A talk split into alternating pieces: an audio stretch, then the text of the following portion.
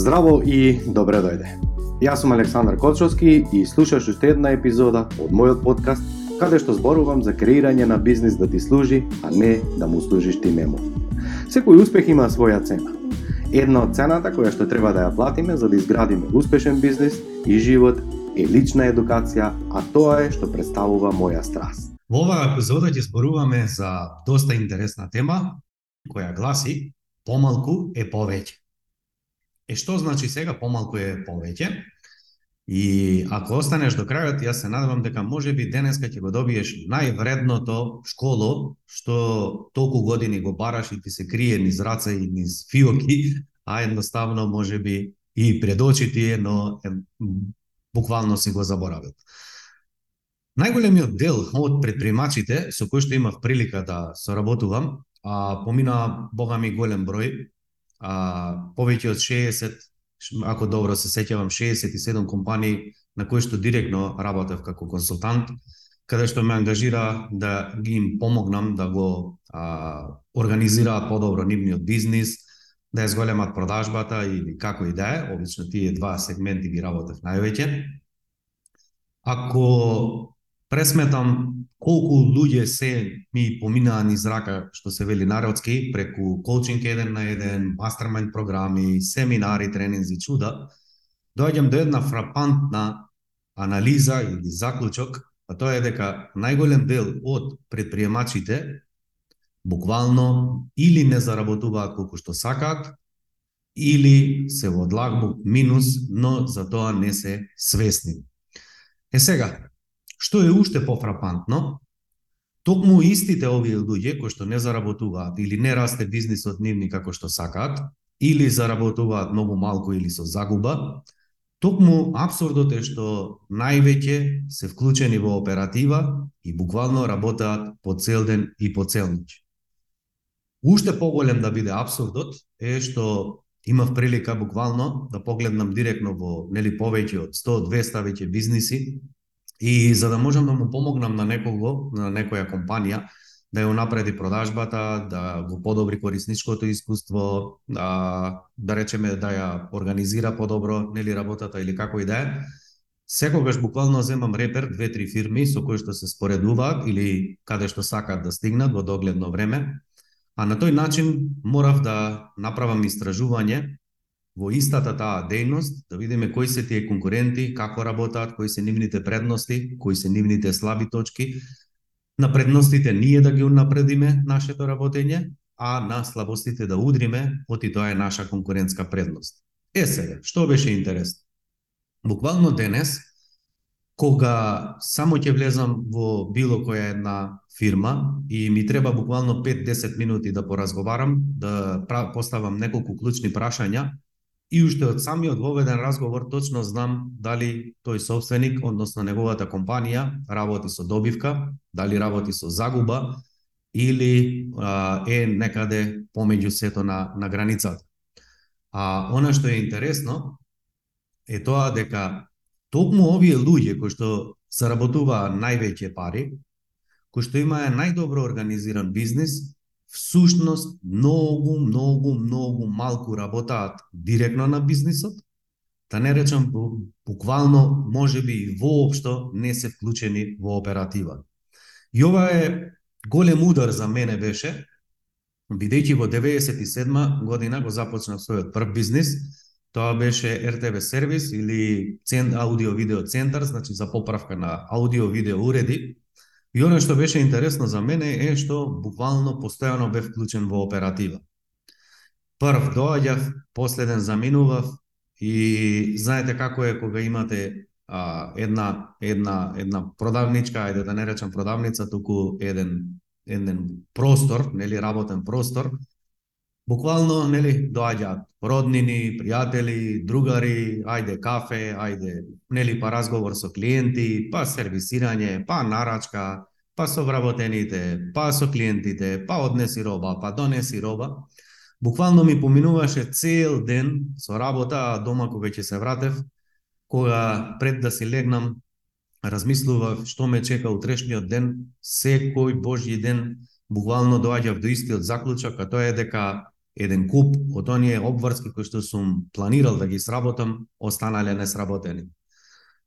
Во 2006 година морав да го затворам тој токму тој мој прв бизнис и мојата гордост да ја голтнам и да се вработам во фирма бидејќи толку многу генерирав долгови што едноставно немав сила повеќе да префрлам од шупливо во празно, да се развлекувам да ме чекаат на пет места за плаќање на роба или како и да е. И 2001 кога беа немирите во Тетово, да не речам војна, буквално цела година се случуваше отвори дуќан, затвори дуќан, отвори дуќан, затвори дуќан. Да не кажам за истите тие 9 години колку пати копаа улица Евана, па ЈКП, па КРАО, па овие пуштаат кабли, па овие копаат, па ја асфалтираат улицата и промашени цели сезони. И многу малку моје знавање, односно воопшто знаење за градење на системи, за комуникација, за лидерски вештини, за продажба и за сето она што го сочинува еден бизнис, да, да не зборавам за, за останатите кои што еден собственик треба да ги прави клучни работи.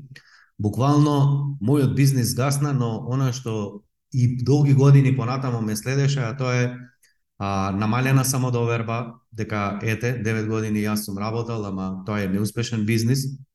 Од друга страна, секогаш искуството во мене стоеше како постојано работев, а буквално финансиите беа далеку од мене и постојано барав и трагав како тоа во иднина, како велат, нели, еднаш предприемач, секогаш предприемач, барав решение како наредниот пат кога ќе започнам собствен бизнис, да сето тоа го анулирам и бидам подготвен како би можел нели да водам успешен бизнис.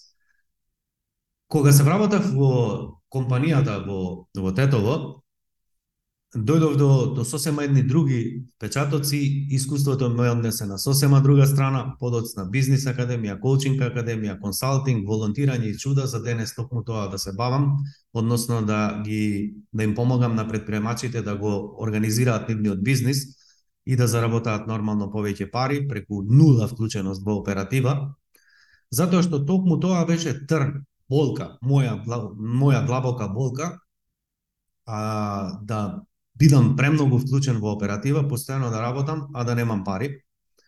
И денес кога ќе ги видам предприемачите кога прават огромен промет, кога имаат куп вработени, кога имаат куп производи или услуги, а не заработуваат, буквално ме подсетуваат на мене и искуствено се трудам да им помогнам во што може пократок период. И сега што е интересно? Најголем дел од луѓето, од предприемачите, мислат дека ако имаат повеќе вработени, ако имаат поголем промет, ако имаат повеќе производи, услуги, објекти, продажни центри, што и да е повеќе, Мислат дека тоа е спасот и успехот за нивното работење. А всушност, сето тоа што значи повеќе, поголем промет, повеќе вработени, вистината е дека нема никаква врска со добивката. Оти едно е промет, друго е големина, а сосема нешто друго е заработка.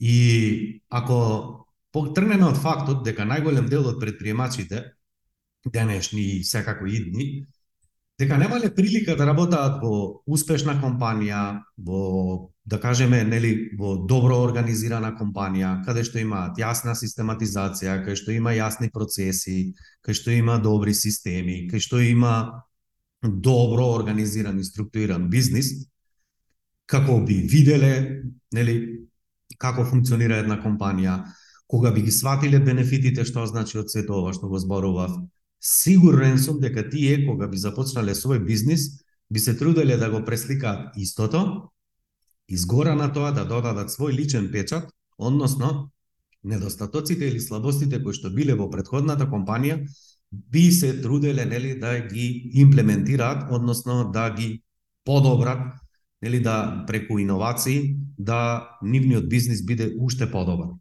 Но да бидеме реални, Најголем дел од предприемачите кои што започнуваат бизнис или денеска се собственици, токму најголем дел од нив или од училиште, од факултет, небитно, се охрабриле и започнале собствен бизнис. Дел од нив работеле предходно како вработени, па од било која причина донеле одлука денес и се собственици на бизнис. некои останале без работа, некои не биле задоволни од работното место, некои се охрабруваат на пријателска, на другарска база, се, се здружуваат, нели, па започнуваат собствен бизнис.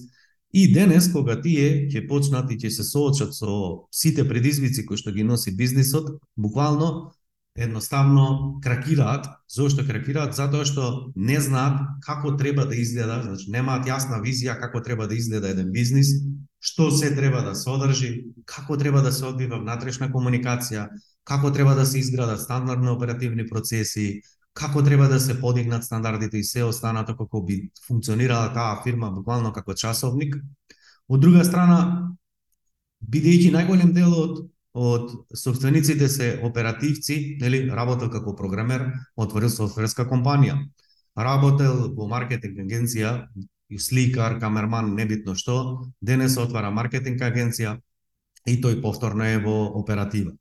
И имал автосервис, да кажеме, нели, Излегувал. од автосервис, го испекол занајатот, го научил, не е битно, отворил собствен сервис работел во некое производство, не знам, за било што за производство, а, денес започнува бизнис и тој буквално директно е вклучен во оператива и најголем дел од луѓето, буквално со се мене во минатото, имаат перцепција дека колку подобро произведуваат, колку подобро сервисираат, колку побрзо и квалитетно тоа го прават, дека токму тоа е цената на успехот за нивниот бизнис. И се согласувам дека тоа е така, но слушни го фактот.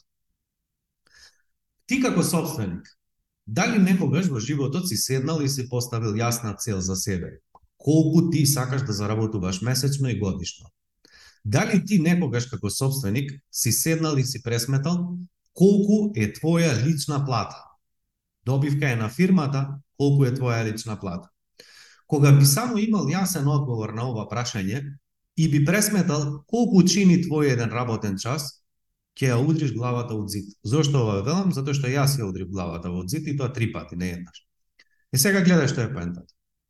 Ако земеме да размислиме кои луѓе се вклучени во оператива, тоа се производство, транспорт, финанси, книжење, администрација, графички дизајн, проектирање, што и да е. Е сега, колку овие луѓе им е плата?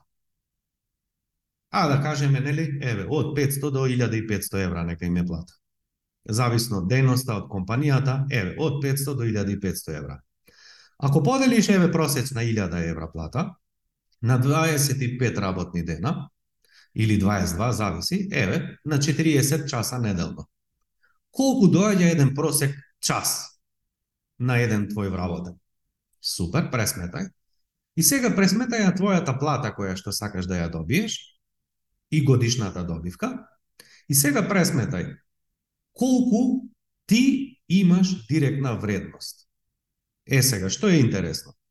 Ако ти во моментот имаш бизнис и заработуваш небитно која сума, подели ја сумата на месечно ниво и вклучените твои работни часи.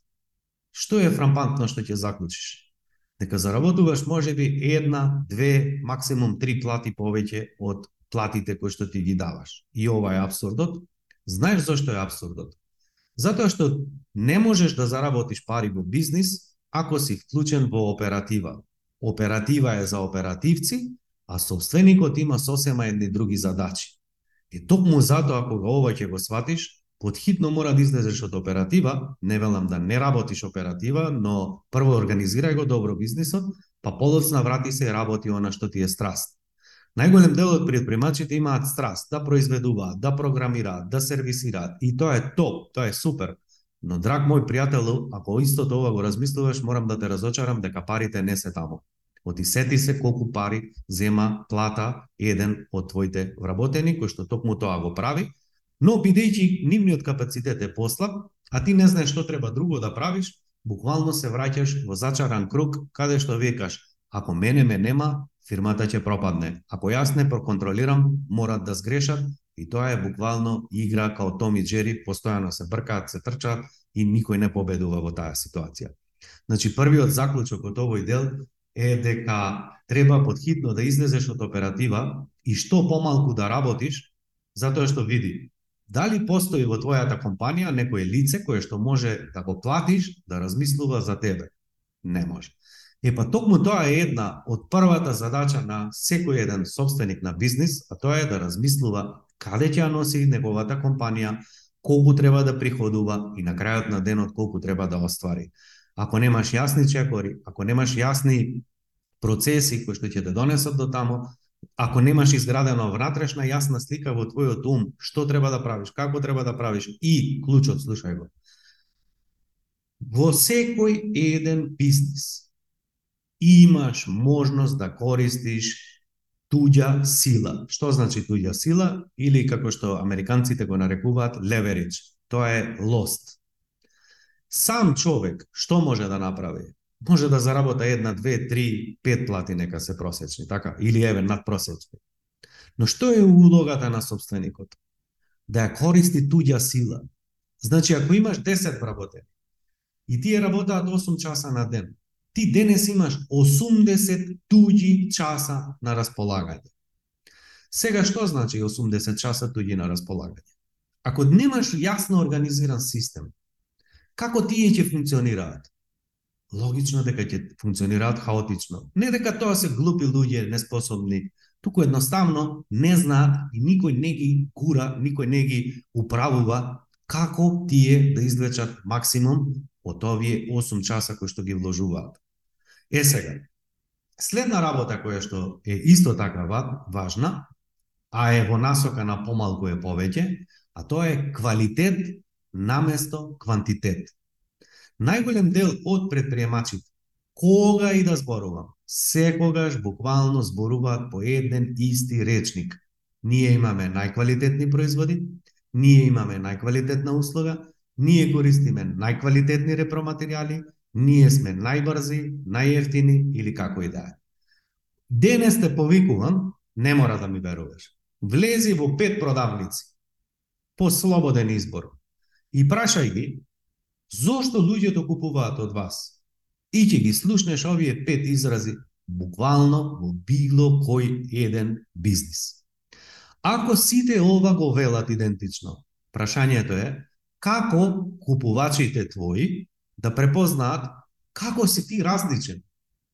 Буквално не можат да препознаат, затоа што, види, купувачите се луѓе пред се, и ти си некаде купувач, И ти логично дека ако некој ти каже на пет места исти работи, дека ти си збунет. А во продажбата има една, едно правило кое што гласи збунет купувач не купува. Значи, еве ти, и ти си човек, и ти си купувач. Кога имаш пет опции, која да се определиш? Кога имаш пет исти опции, за која да се определиш?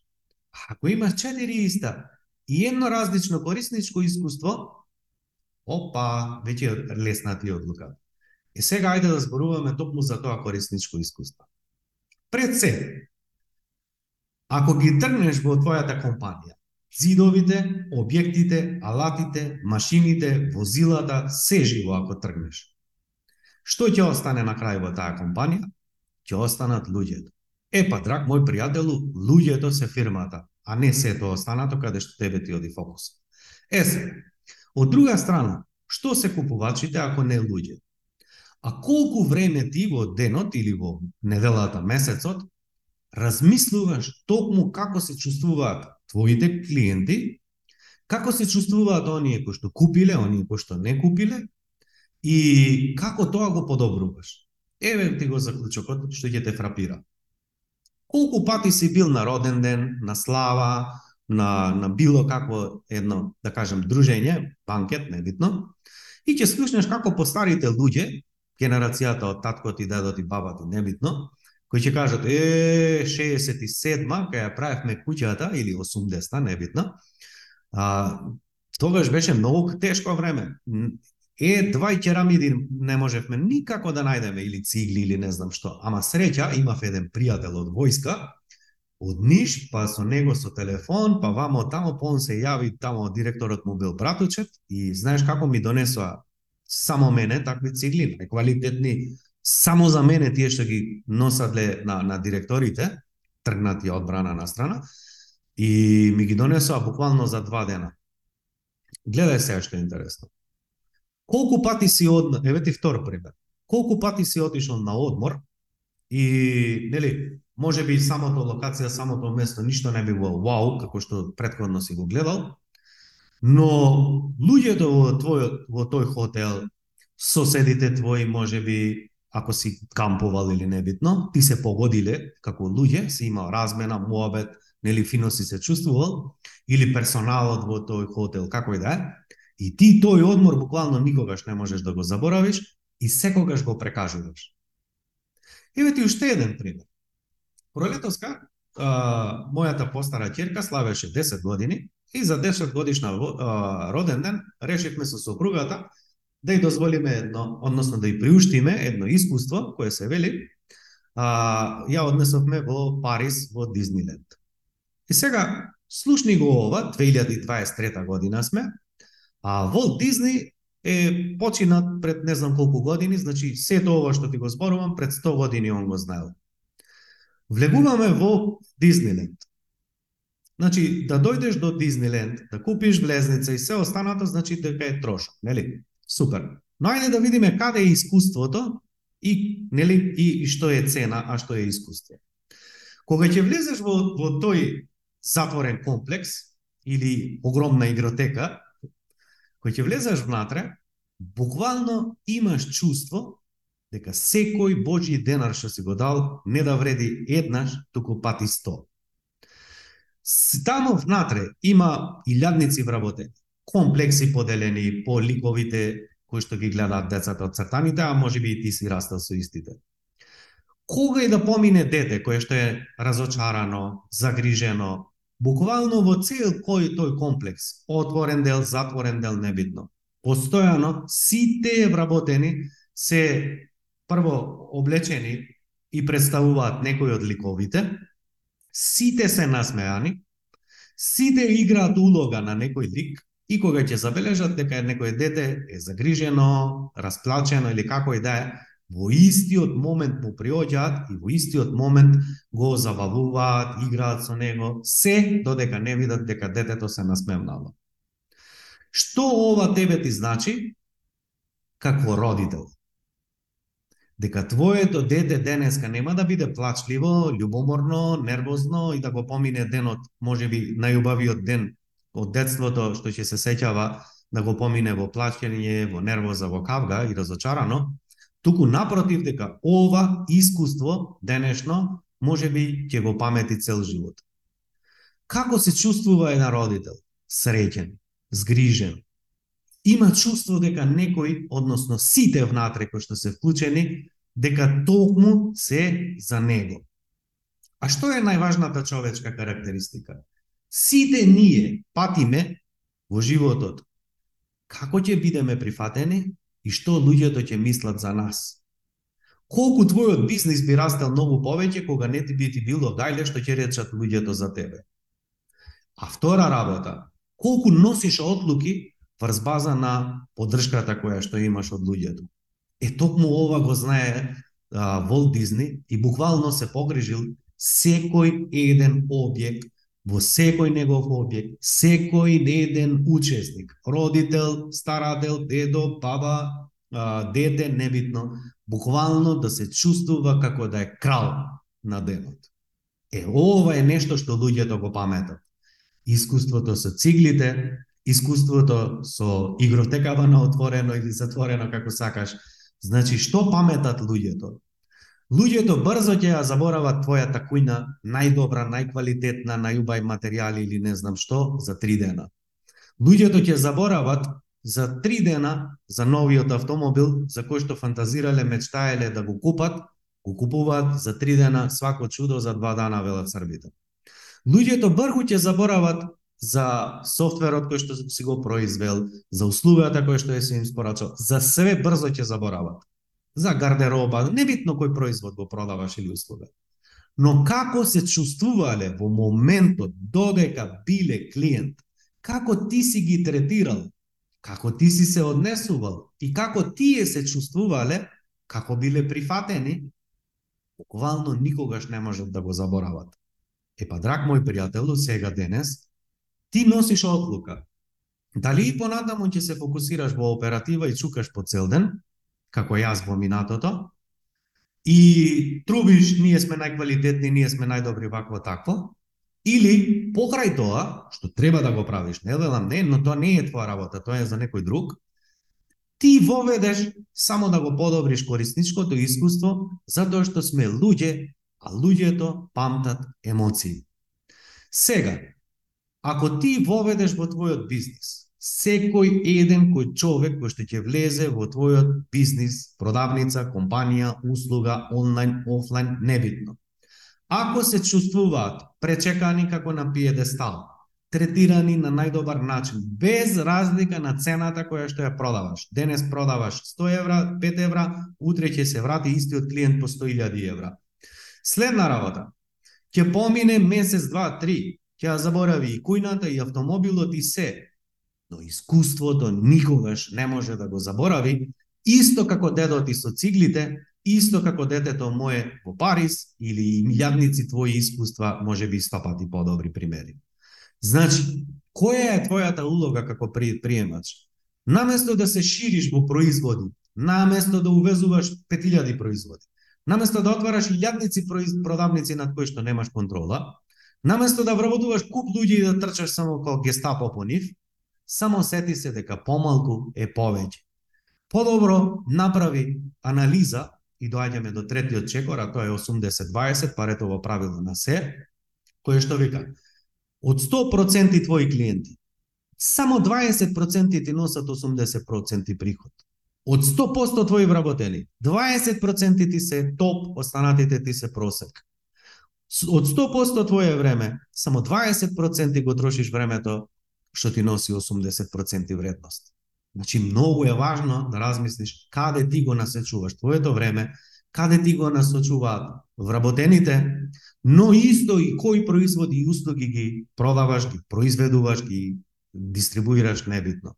Значи, дали е поважно 80% да се погрижиш како се чувствуваат клиентите или 80% да одиш на тој квалитет па квалитет.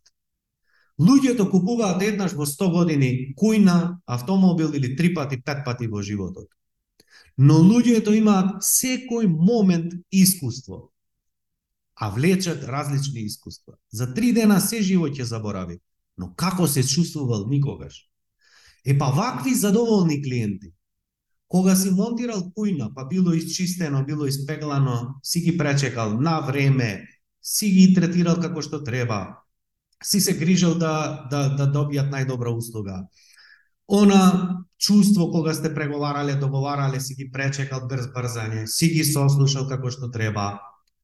Има деца, да, супер, направи дел, некој вработе човек, нека, нека, нека додека разговараш, преговараш, продаваш, како и да е, некој да ги занимава. Е, овие се ситниците, кога ќе влезам во компанија и кога ќе видам дали оваа компанија е насочена кон луѓе или кон собствениот джеб.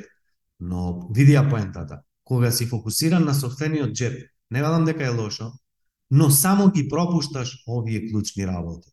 И одиме до следната работа, а тоа е подигни ги стандардите. Што значи подигни ги стандардите? Подигни ги стандардите во се. Од тоа, како изгледаш, како зборуваш ти и цел твој тим.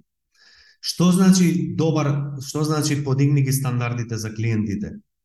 Од работни формулари, од работни налози, од работна гардероба, од унифицирана гардероба, од уреден и чист паб објект. Буквално се она што ќе го видиш, се она што ќе го слушнеш и се она што ќе го доживееш, произведеш, буквално на се да подигнеш стандарди. Подигни стандарди во комуникација на вработените. Како вработените комуницираат со клиентите, како се јавува некој на телефон, со која боја тој на глас порува, како ги пречекуваат, дали ги гледаат во очи или не, дали им даваат простор или им дишат во врат, како ги испорачуваат твоите услуги. Си произвел фантастично, си го третирал фантастично, си му монтирал фантастично, му го истраскале цел производ по пат.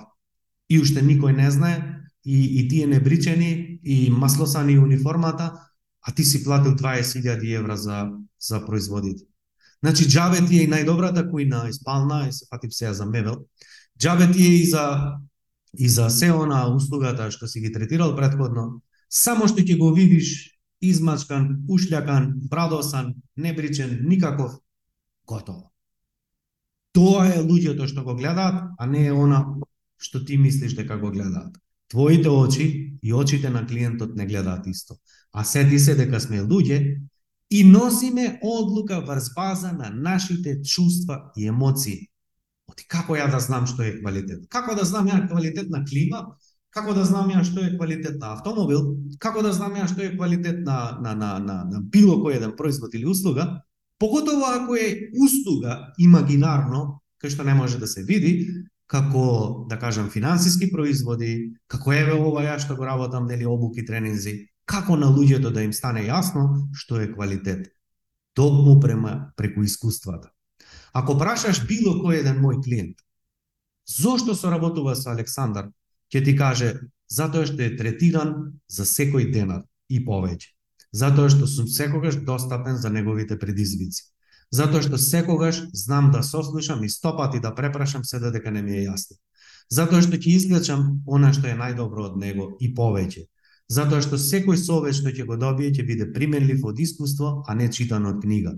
Затоа што во заедницата влада и култура на однесување и оној кој што има милион, 2, 3, 5 евра по годишен промет и оној кој што има 10.000 евра годишен промет да се чувствуваат идентично како луѓе. Затоа што секој месец одиме во најдобри хотел во Скопје, во хотел Хилтон, да бидат пречекани и угостени како луѓе, да бидат угостени како предприемачи, да нема дистракција. Правиш во, во хотел со прозори, со галама, со музика, не, туку во затворена просторија, идеално загреана, идеална температура, идеални услови, идеална храна, идеално обкружување, за да можат да се фокусираат на тоа, а не каде ја паркирав колата, а не знам хранава дали ќе ми се погоди или да размислуваат на глупости. За ова луѓето плаќаат и се подготвени пати 100 а не заради квалитетот.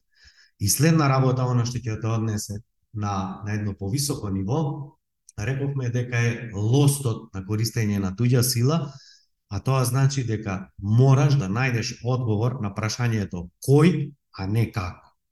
Најголем дел од луѓето, кога и да бараат совет од мене, прашуваат Александар како да ја зголемам продажбата, Александар како да го скалирам бизнисот, Александар како да вработам луѓе.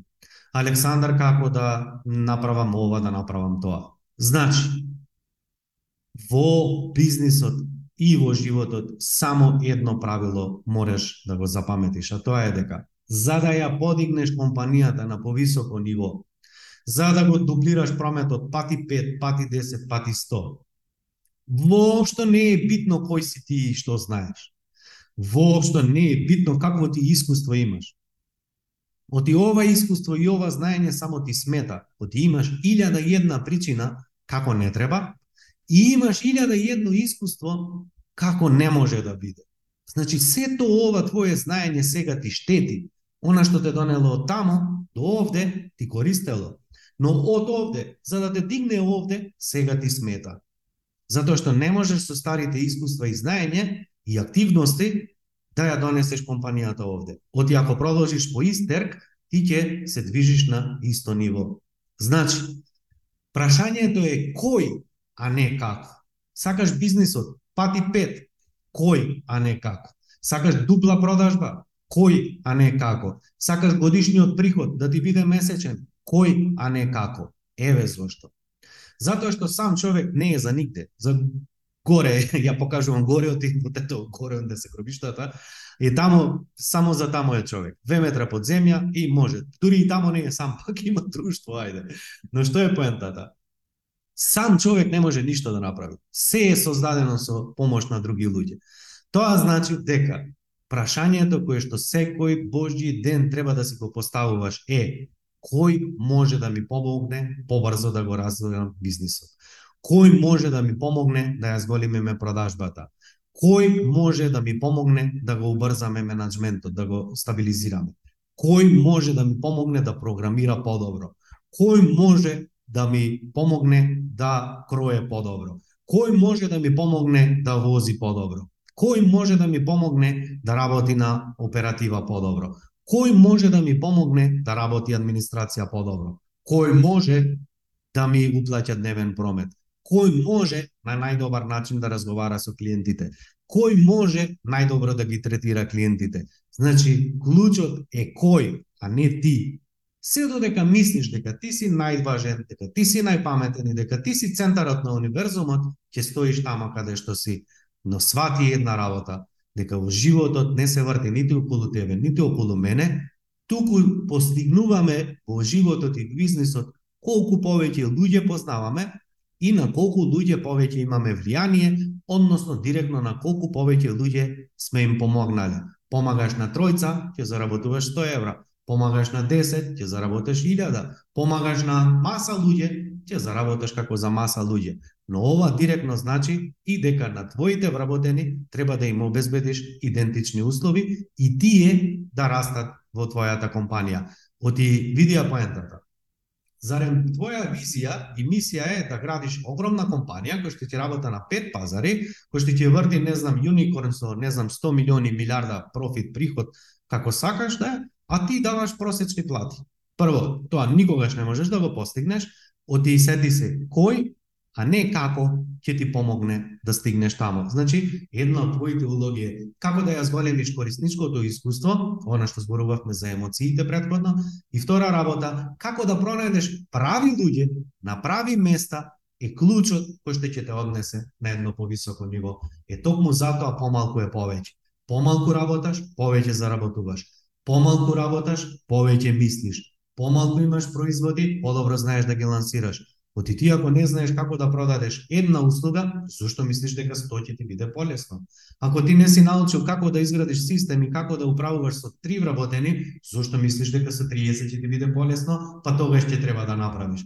Ако ти не знаеш како да ги продаваш твоите пет производи и пет услуги, зошто мислиш дека е да најдам некој производ што нема на пазар, нели она магично стапче, тебе ќе ти донесе резултат. Се до тоа се глупости, драг мој пријател, и твоето его сака да те заштити и да те отркне за да не направиш промена и иновации. Се додека не промениш било што во животот, ќе го живееш она што го имаш. Ако ти си задоволен, кој сум ја да ти кажам да правиш нешто или да, да менуваш или не знам што. Твој живот, твој правила, твој бизнис. Јас си го кројам на мој начин, им помагам на предприемачите да го кројат по нивни начин. Ако ти си имаш своја формула, само напред, ништо од тоа не мора да слушаш. Се надевам дека ти помогна сето ова што го зборуваме, да го погледнеш твојот бизнис и улога на еден малку поинаков начин, Доколку се тоа што го зборуваш, сакаш да го имплементираш во твојот бизнис на најбрз и на наједноставен начин, дозволи да ти бидам ментор и дозволи да кажам во збор 2 за мастермайнд тренингот, односно програмот кој што уписите се во тек. Значи, цената, односно инвестицијата за тој програм е 2000 евра, уписите траат до 25 декември, со работа започнуваме на 3 јануар, Програмот трае 6 месеци, има 7 модули, тоа се стратегија, тоа се модулот за луѓе, модулот за извршување, маркетинг, продажба, финанси и системи, професионална, кажави платформа едукацијска на која што се поставени сите модули, сите видеа, тоа се безброј, не знам колку и ја часови, повеќе од 200 часови снимени материјали и видеа.